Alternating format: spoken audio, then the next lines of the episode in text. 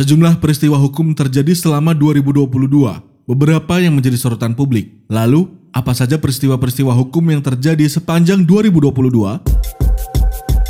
Beranda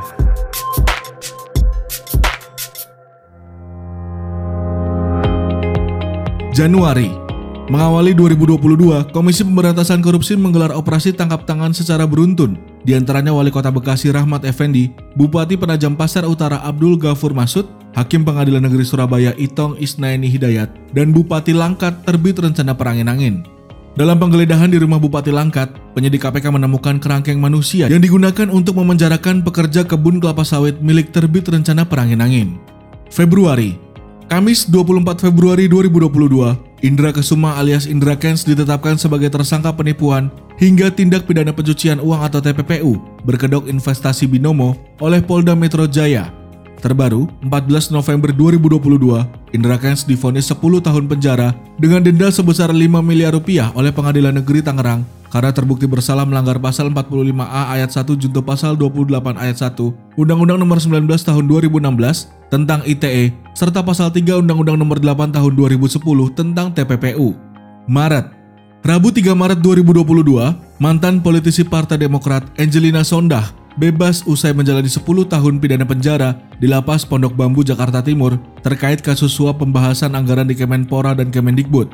Angelina Sondah terbukti menerima suap 2,5 miliar rupiah dan 1,2 juta US dollar dari Permai Group. Dalam putusan peninjauan kembali, MA menyita uang NG senilai 2 miliar rupiah dan 1 juta US dollar. April pada April 2022, Majelis Hakim Pengadilan Tinggi Bandung mengabulkan banding jaksa dengan memberikan vonis hukuman mati terhadap Heri Wirawan, terdakwa pemerkosa 13 santriwati hingga hamil dalam kurun waktu 2016 hingga 2021. Menyikapi putusan tersebut, Heri mengajukan kasasi ke Mahkamah Agung. Mei, Kejaksaan Agung menetapkan satu tersangka baru kasus dugaan tindak pidana korupsi crude palm oil atau CPO dan turunannya. Lin Chewei alias Wei Lin Chewei alias Webinanto Halim Jati selaku pihak swasta yang diperbantukan di Kementerian Perdagangan RI menjadi tersangka kelima dalam perkara ini. Kejagung juga telah menetapkan empat tersangka lainnya, yakni Direktur Jenderal Perdagangan Luar Negeri Kemendak Indrasari Wisnuwardana, Senior Manager Corporate Affairs Permata Hijau Group, Stanley MA, Komisaris PT Wilmar Nabati Indonesia Master Parolian Tumanggor, dan General Manager General Affairs PT Musimas Pikare Togar Sitanggang.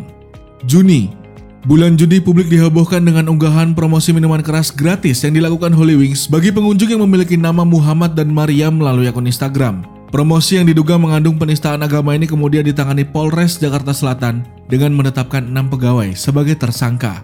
Setelah berlarut-larut proses penundaan kewajiban pembayaran utang atau PKPU maskapai plat merah PT Garuda Indonesia Persero Tbk atau GIA akhirnya selesai. Perjanjian penyelesaian utang yang diajukan Garuda diterima dan disahkan Majelis Hakim Pengadilan Negeri Jakarta Pusat Senin 27 Juni. Garuda berhasil memperoleh status homologasi dan lolos dari status pilot. Juli, Kasus pembunuhan Brigadir Nofriansyah Yosua Huta Barat atau Brigadir J yang terjadi pada 8 Juli 2022 di rumah mantan Kadif Propam Polri Irjen Verdi Sambo menjadi kasus hukum yang paling menyita perhatian publik hingga saat ini. Dalam perkara ini, Verdi Sambo bersama istrinya Putri Chandrawati, Barada Richard Eliezer atau Baradae, Ricky Rizal atau Brib KRR, dan Kuat Ma'ruf tengah menjalani persidangan di Pengadilan Negeri Jakarta Selatan Sambo juga dijerat dengan pasal menghalangi penyidikan atau obstacle of justice atas aksinya membuat skenario palsu pembunuhan Brigadir J.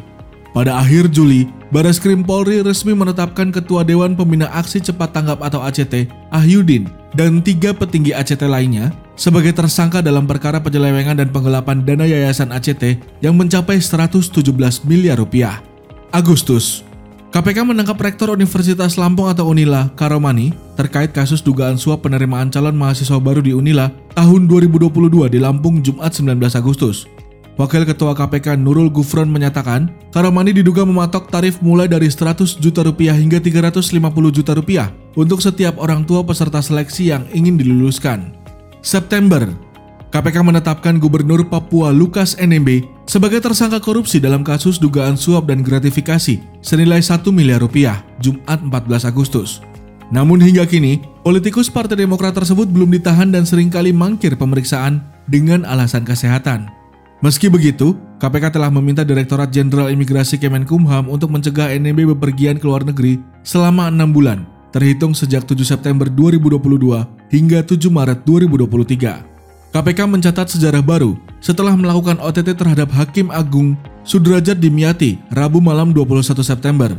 Sepanjang sejarah, ini merupakan yang pertama kali KPK menangkap Hakim Agung Sudrajat bersama sembilan orang lainnya akhirnya ditetapkan sebagai tersangka dalam perkara dugaan suap pengurusan perkara koperasi simpan pinjam atau KSP inti dana.